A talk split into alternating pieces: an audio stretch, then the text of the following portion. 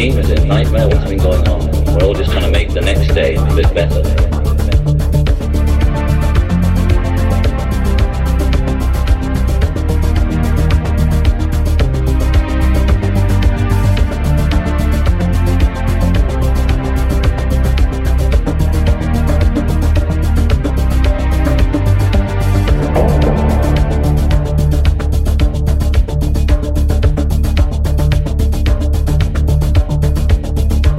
with all this war.